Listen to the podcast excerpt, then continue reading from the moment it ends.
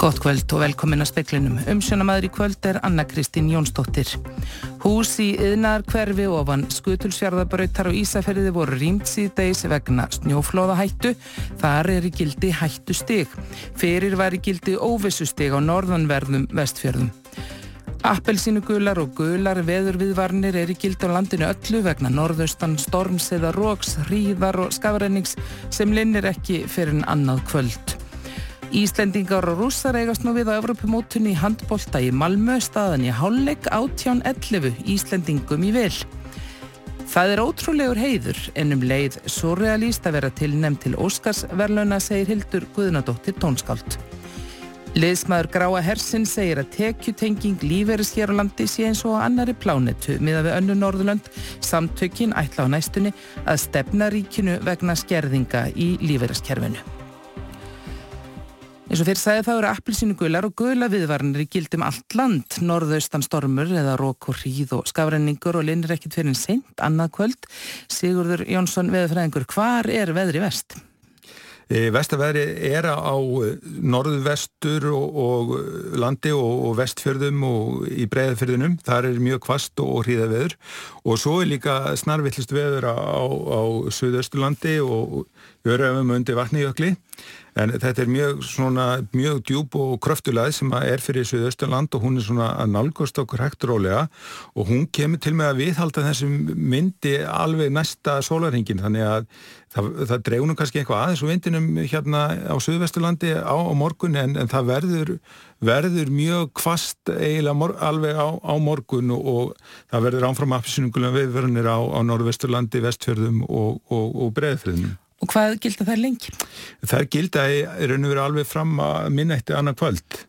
Þannig að þá fer nú svona að dragur svo miðugudagurinn, hann lítur nú miklu betur út að þá verður, það verður henni dráð frá norðanátt en, en hún verður orðin svona farið að hæja talsast á henni má það búast við einhverju svona uppihaldi eða verða eitthvað, eitthvað lát á þessum lagðagangi eða er eitthvað raunur sem býður handa með á því? Já, reyndar ger, er, sínist mér að það verði nú bara smá hlýja á þessu, það er svona hægt og rólega að þá gengur þetta niður, við fáum jafnvel svona smá hægðarheikin á landið á fyrstu dag að lögata og þá getur bara hugsalega orðið sóla öllu landinu. En það er vondviður í kvöld og í nótt og framöft og allan daginn á morgun. Já. Takk fyrir. Því er við að bæta að almannavarni vilja koma því á framfæri við foreldra og forraðamenn batna yngre en 12 ára á höfuborgarsæðinu að þeir fylgist vel með veðurspám á morgun og fylgi börnum sínum í skólan, gangi þær eftir. Veðrið hefur sem fyrr haft mikil áhrif á samgöngur og fjallvegir eru víða lokaðir, hús voru rýmt á Ísafjörði setnipartin í dag vegna snjóflóðahættu. Óvissu stig hefur verið í gildi vegna snjóflóðahættu á norðanverðum vestfjörðum í dag. Það var hækkað í hættu stig á Ísafjörði um klukkan fjögur og einn reytur rýmdur samkvæmt rýmingar áallun. Það er ofan skutilsfjörðabrautar en það er yðnaðar húsnaði en engin íbúðarhús. Talsverður snjór hefur safnast í fjöll og er mjög lagskiptur sem skapar hættu á flóðum vegna áframhaldandi snjókomu. Mjög víða er búið að loka vegum vegna veðurs. Lokaður um Hellisheiði, Mósfellsheiði, Holtavörðuheiði og Bröttubrekku. Fyrir norðan er búið að loka Öksundalsheiði, Vaskarði, Þverárfjalli, Siglufjörðavegi og Ólásfjörðarmúla. Þá er ófært milli gangnamunna í híðinsfyrði. Vindkvöður í Örafum mælast 49 metrar á sekundu. Lokað er í Örafarsveit milli Núb Hótels Östur að Jökulsárlúni og einni er lokað frá Markarfljóti að Vík. Vestfyrðir eru meira að minna ófærir. Ófært er í Ísafjörðardjúpi og lokað er um Þröskulda, Klettsháls, Mikladal, Halfdán, Flateirarveg, Stengrinsfjörðarheiði og Súandafjörð en þar var mokstri hætt vegna ófærðar. Varað er við mjög sleimu skigni á Reykjanesbrödd. Þar varar lauruglan við því að ferðalangar ani út í óvissu. Andri Irkild Valsson saði frá. Fertugur íslensku kartmaður sem handtekinn var í Torri Vieja á Spáni í gær, grunaður um að hafa orðið sambílismanni móður sinnar að bana, verður leittur fyrir dómara í vikunni. Afstæða þá tekinn til ásetnings og annara kringumstæðina segir Beatrice García, upplýsingafulltrúi lauruglunar í Alicante. Hún vill ekki svara því hvort maðurinn hafi játað sög. Vefmiðl í Alicante greini frá því að maðurinn hafi rutt sér leið en á heimili móður sinnar um miðjanótt. Móður hans hefur haldið fram að inn í húsinu hafi komið til handalögmál á milli svonarins og sambilismann starfsmanns hennar. Sónurinn hafi hrind manninum á rúðu, hún brotnað og hann svo látist af sárum sínum. Lögregla efist um frásögnkonnar segir í veðmiðlunum og telji ekki að þetta hafi verið mandráp af gáleysi. Lögreglan ráði það af tvennu, glerbrótonum og einst við að henn látni hafi verið með stungusár eftir nýf. Hildur Guðnadóttir tónskáld sem var í dag tilnemd til Óskarsverluna fyrir tónlistina í kvikmyndinni Joker segist valla vera búin átt að segja á því hún hafi verið tilnemd. Hún var að borða morgumatt á kaffihúsi í Los Angeles þegar fréttastofan áði taliðafinni rétt fyrir fréttir. Ég er bara svo nývaknað og nýbúin að heyra fréttirna þannig ég er ekki alveg búin að átta mig á því sjálf ennþá en hérna en svona þegar ég er búin að klára morgumattin hérna át að götu það kannski, kannski skýrist það og, og kannski helst þegar ég landa aftur heim ég er að fara átt upp í flugvöld þannig að hérna, þegar ég landa aftur heima þá kannski farið að skýrast. Það er einhver smá kanónur tilnefndar þarna með þér. John Williams, Randy Newman hvernig er að vera í þessum félagskap? Það er náttúrulega bara frekar surrealist hérna, þetta eru náttúrulega all menn sem hafa í rauninni skapað kvikmyndatónlistar formið sem það er í dag og það er hérna frekar surrealist að sjá nafnum við þetta með, með þeim og, og hérna ótrúlegur, ótrúlegur heiður. Sagði Hildur Guðnadóttir við Jóhann Bjarnar Kolbjörnsson nánaverður rætt við Hildi í sjónvarpsfrettum klukkan 7 og á rúf.is síðar í kvöld. Elisabeth Brettadrottning hefur fallist á tillugu Harrys prins og Meghan Markle um að þau segi sig frá öllum konunglegum skildum sínum. Elisabeth segist hafa fullan skilning á ákvarðan þeirra og hún hefði þó kosið að hafa þau áfram innan konungsfjölskyldunar. Þetta kemur fram í yfirlýsingu sem Elisabeth sendi frá sér eftir að hafa bóðað Harry, Vilhjálm bróður hans og Karl Brettaprins á sinn fundi í dag. Markle tók þátt í fundunum í gegnum sín frá Kanada og nánar er fjallað um þetta á rúf.is. Myndbönd frá fjölistahópnum Hattara hafa verið rítskoðuð á YouTube og ekki hefur verið hægt að dreifa þeim með auglýsingum á Facebook. Mattias Tryggvi Haraldsson, liðsmaðurhópsins, segir að völdin og internetinu færist á ferra hendur og það ætti að spórna við þeirri þróun. Sagt var frá því í fréttum í gæra að YouTube rítskoðar efni frá Trans Íslandi og frá samfélögum hinsegin fólks víða. Einni fjölmörgum öðrum samtökum og listamönnum. Fjöllistahópurinn Hatari hefur fundið fyrir þessu. Mattias Tryggvi segir að YouTube hafi greinilega leiðir til að sópa efni til hliðar. Það eigi til dæmis við um lag Hatara, Spillingadans.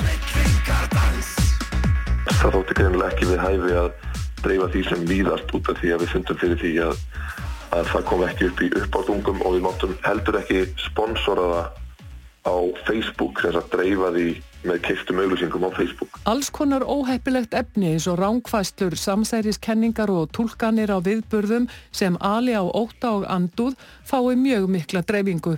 En konur sína á sig gerðvörtuna, það er allt í nári bannefni, fæðingar veit maður að hafa verið bannar og svo við í leðurólum að búa til fallegt tónlistamindband. Netið hafi upphaflega verið mjög líðræðislegt tæki og valdeflandi fyrir fjölda fólks. En það virðist vera að, að svona völdin á netinu færist í hendur færra eftir því sem álýður og öll svona átök til að brjóta það upp eða sportna við þetta þróun eru bara mjög mikilvæg og við ættum að styðja þau sagði Mattias Tryggvi Haraldsson. Við heyrðum í Hattararni blá endan. Bergljótt Baldurstóttir talaði við hann.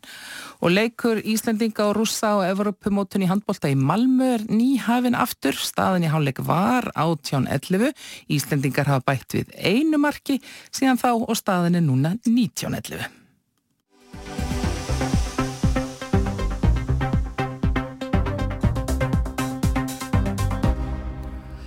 Grái herin hefur ákveðið að ráðast til allugu gegn ríkinu vegna óréttlátra skerðinga á lífeyriskreðslum. Á næstunni verður lögð fram stefnaðum að skerðingarna séu brot á eignaréttar ákveði stjórnarskrárunar og samræmist ekki ákveði mannréttinda sáttmála Evrópu. Ef dómur fellur ríkinu í óhag verður það að endurskoða kerfið. Áður en við fjöllum um málsóknuna sjálfa á hverju hún byggist skulum við rifja upp hvernig lífeyriðsjóðakerfi hefur þróast og sömulegis almannatryggingar. Það má segja að skriður hafi komist á í lífriðsjóðsmálum 1967. Þá samti alþýðisambandi í kjærasamningum um skildu aðildi félagsmanna stéttarfélagan að lífriðsjóðum. Fyrir þann tíma var reyndar búið að stopna nokkra lífriðsjóði einstakra starfstéttan. Á þessum tíma greitti ríkið ákveðin grunnlíferi sem namið með 20% af lámaslönu verkamannan. Fljótlega eða 1971 var tekin upp tekjutrygging sem var þá uppbót fyrir þá ellilífristega sem stóðu vest.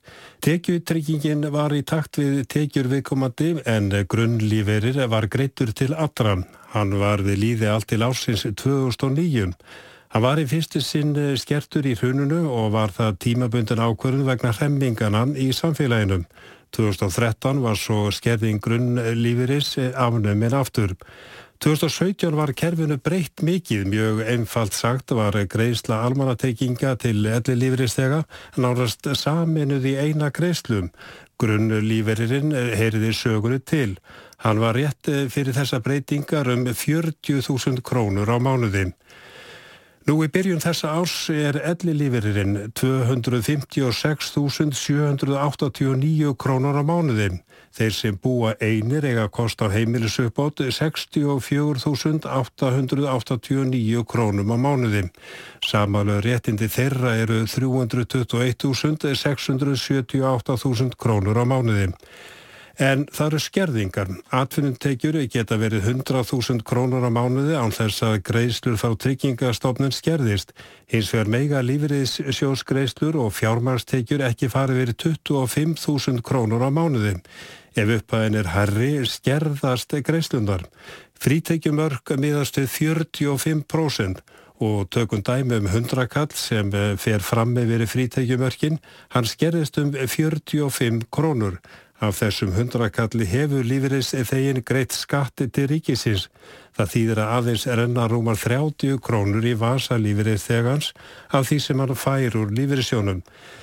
Það er þetta sem grái herin er ósátur við. Hins vegar má segja að lífeyrissjóðskerfið hafi breyst talsverti frá 1969. Fyrir 1980 var nær ómögulegt að leggja fyrir og greiða í lífeyrissjóð. Vegna óðaverbólgu sem hrelti landsmenn á þessum tíma stóð sparifið í ljósum lógum. Nú er tíðin talsvört önnur, lífeyriskreislur brenna ekki lengur á verðbólgubálunum, hins verður margi sem nú er að ljúka lífstarfinum ekki búin að ávinna sér mikil réttindi. Lífeyrissjónskreislur til þeirra eru lágar og vegna skerðinga hjá tryggingastofnun bera þeir ekki mikið meira á bítum en sá sem hefur aldrei greitt í lífeyrissjóð. Hins vegar eru næstu kynsluður sem fara á eftirlaun kannski þar fyrstu sem vinna sér inn full lífeyrissjós réttindi.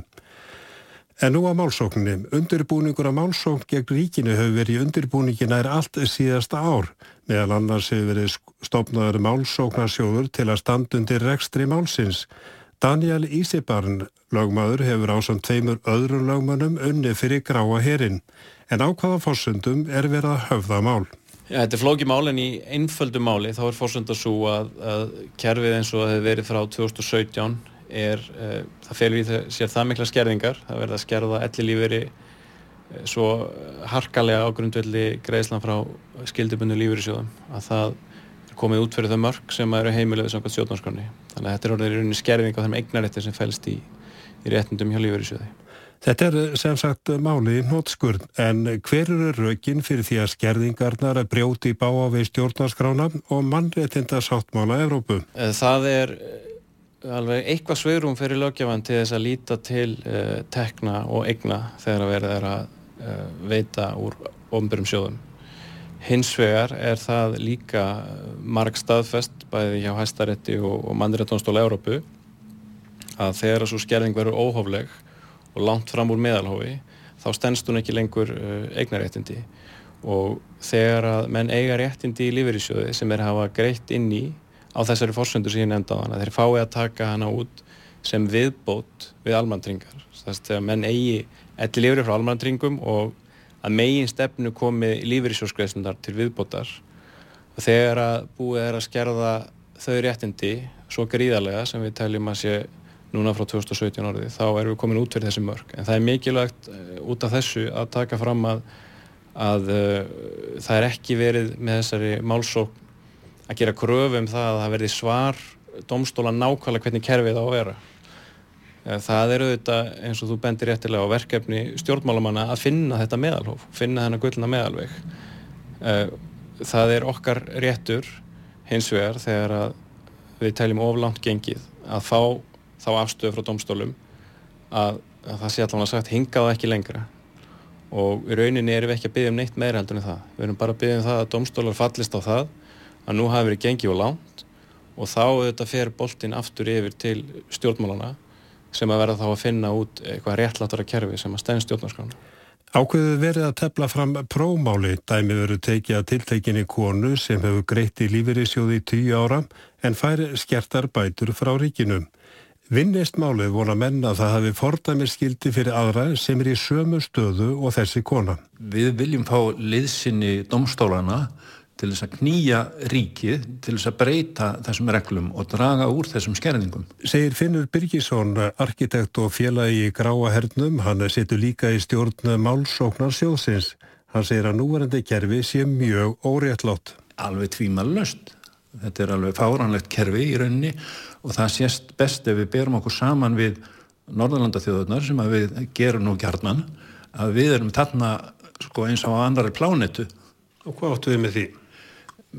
Þessar tekjutengingar þær eru ekki fyrir hendi eh, með þessum hætti á Norðurlandunum það er að vísu vottar fyrir tekjutengingu í ellilífirinnum í Danmörku en eh, svo tekjutenging er miklu miklu vægari heldur en það sem að gerist hér, hér hjá okkur. Og þar er uh, stór hluti af lífeyriskreislunum uh, í floknum grunnlífeyrir og grunnlífeyririnn þar, hans gerðist til dæmis ekki af eh, greiðslum úr lífeyrissjóði eins og þetta gerir hérna hjá okkur. Er sjáuð þið fyrir ykkur, nú er höfða mál og það, ver, það kemur í hluti ríkisins að eh, finna ykkur að lausna á því ef þetta reynist vera brot á stjórnarskrá og svo framvegis. Eh, hvað, hvaða kerfi sjáuð þið fyrir ykkur? Sko það er náttúrulega margvíslegir möguleika til þess að breyta þessu kerfi. Ég sé persónulega ekki fyrir mér að breyting verði þá átt að það verði ekki með neina skerðingar að ræða. Það verða áfram einhverja skerðingar.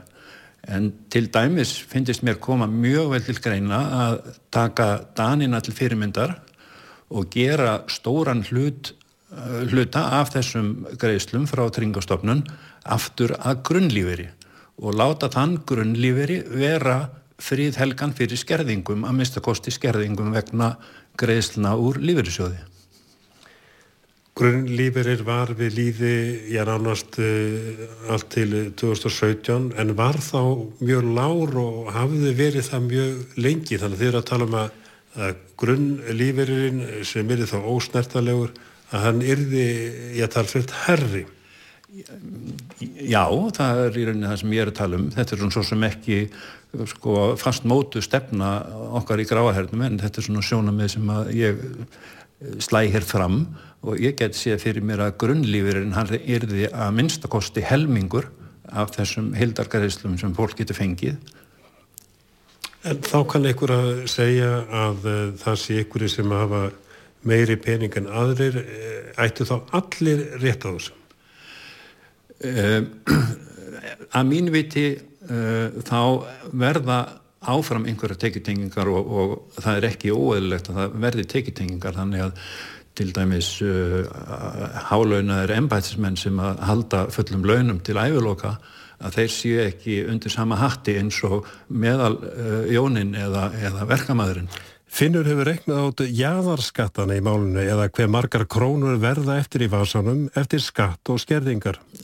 Sá sem að er með uh, þessa algengustu skerðingu hjá tryggingastofnun sem er 45% af tekjum að hann er með jæðarskatt upp á uh, hátt í 70% og sá sem að er uh, með heimilsuppbót líka til viðbótar af ellilífirinn, hann er undir skerðingu hjá tryggingastofnunum upp á 56,9% og hann uh, er með jáðarskatt þar með upp á 73%. Það þýðir að sámaður að ef hann hérna, bætir við sig 100 krónu tekjum að þá heldur hann ekki eftir nema 27 krónum að því. Sagði Finnur Birgisson, Arnar Páll Haugsson tók saman.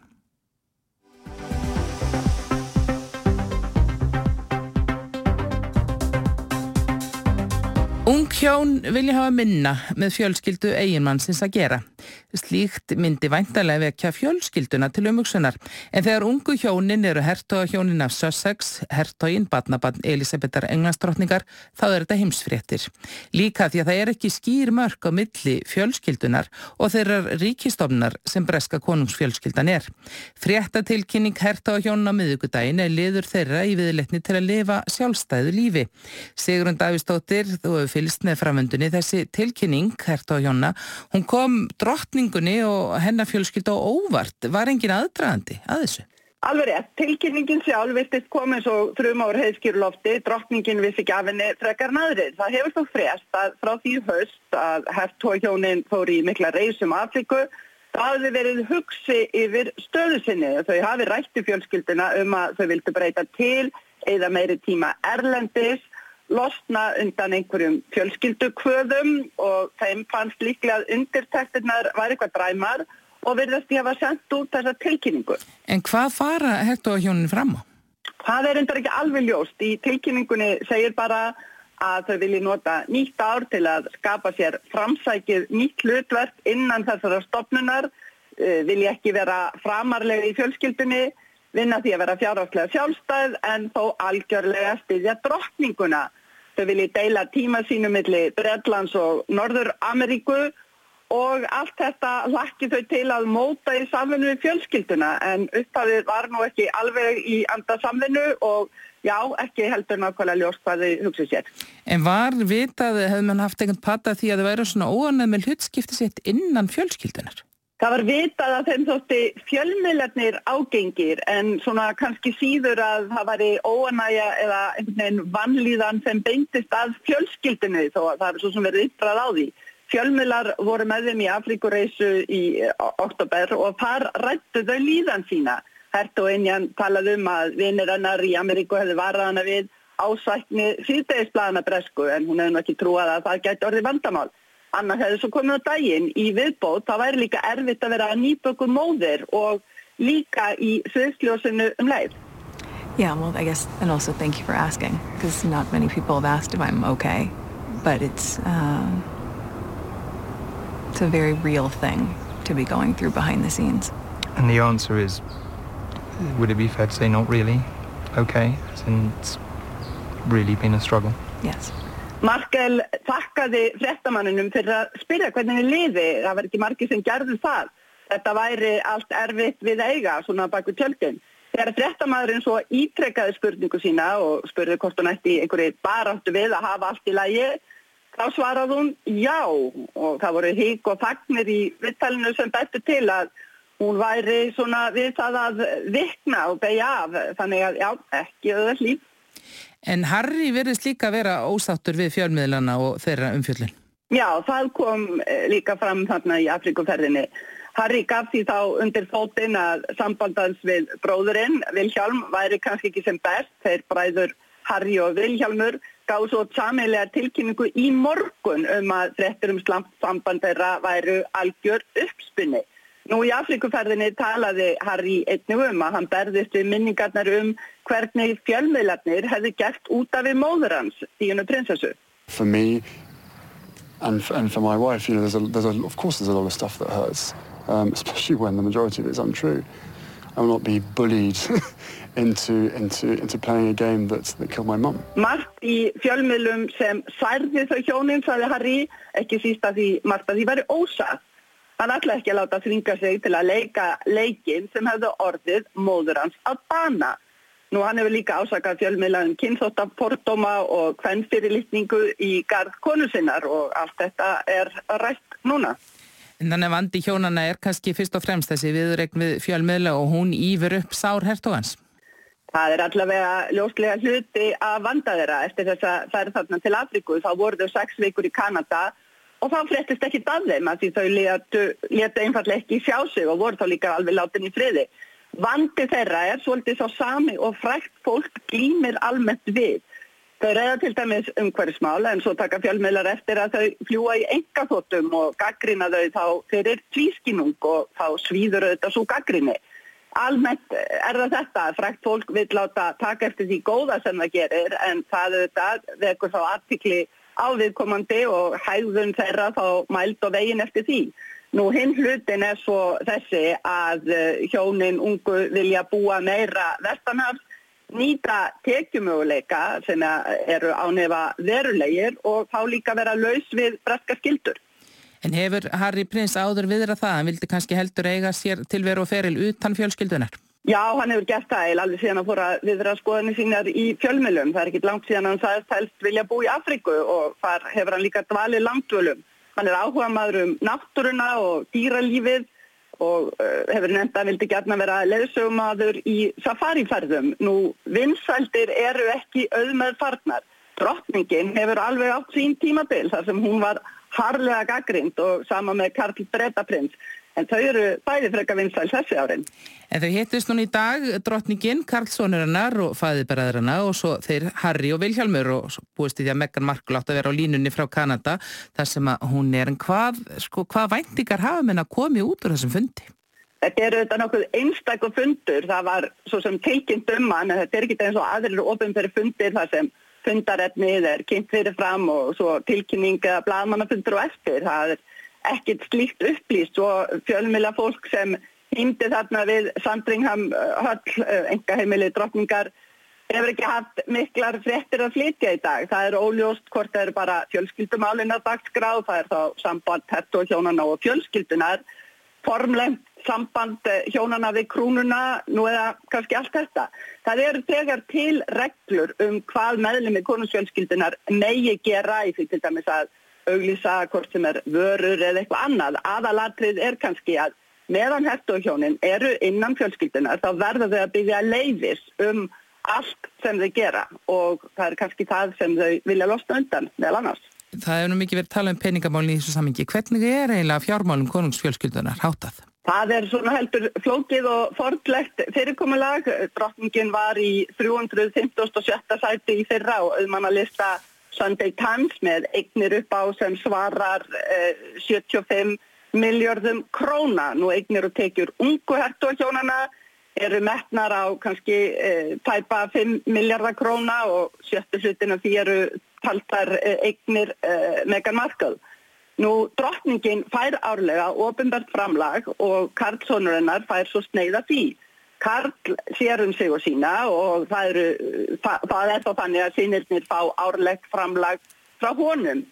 Ef uh, hertuahjónin ungu losa sig frá fjölskyldunni þá er þetta spurningum kostnaðir heimilishaldið, öryggisgæstlu, hertuahjónana heima og heimann og svo hvaða titla þau megi nota, svo fátt eitt sé nefnt. Það reynda að tala um að þau vilji búi í Kanada og að Kanada sé kannski tilbúið til þess að taka þátt í að borga öryggið en allavega það er margt að ræða í Sandringhöllinni í dag og kannski frekar búist við að það takki vikur og mánuði að greiða úr þessu öllu frekar en þetta verði klárað eða hafi verið klárað núna síðan í dag. Takk fyrir þetta Sigrun Davíðsdóttir. Það var helst í speklunum í kvölda hús á í eðna hverf og Ísafjörði voru rýmt síðdeis vegna snjóflóða hættu og það er í gildu, gildi hættu stig fyrir var gildi óvissu stig á norðanverðum vestfjörðum vegna hættunar. Það er ótrúlegur heiður um leið surrealíst að vera tilnæmt til Óskarsverluna, segir Hildur Guðnadóttir tónskáld.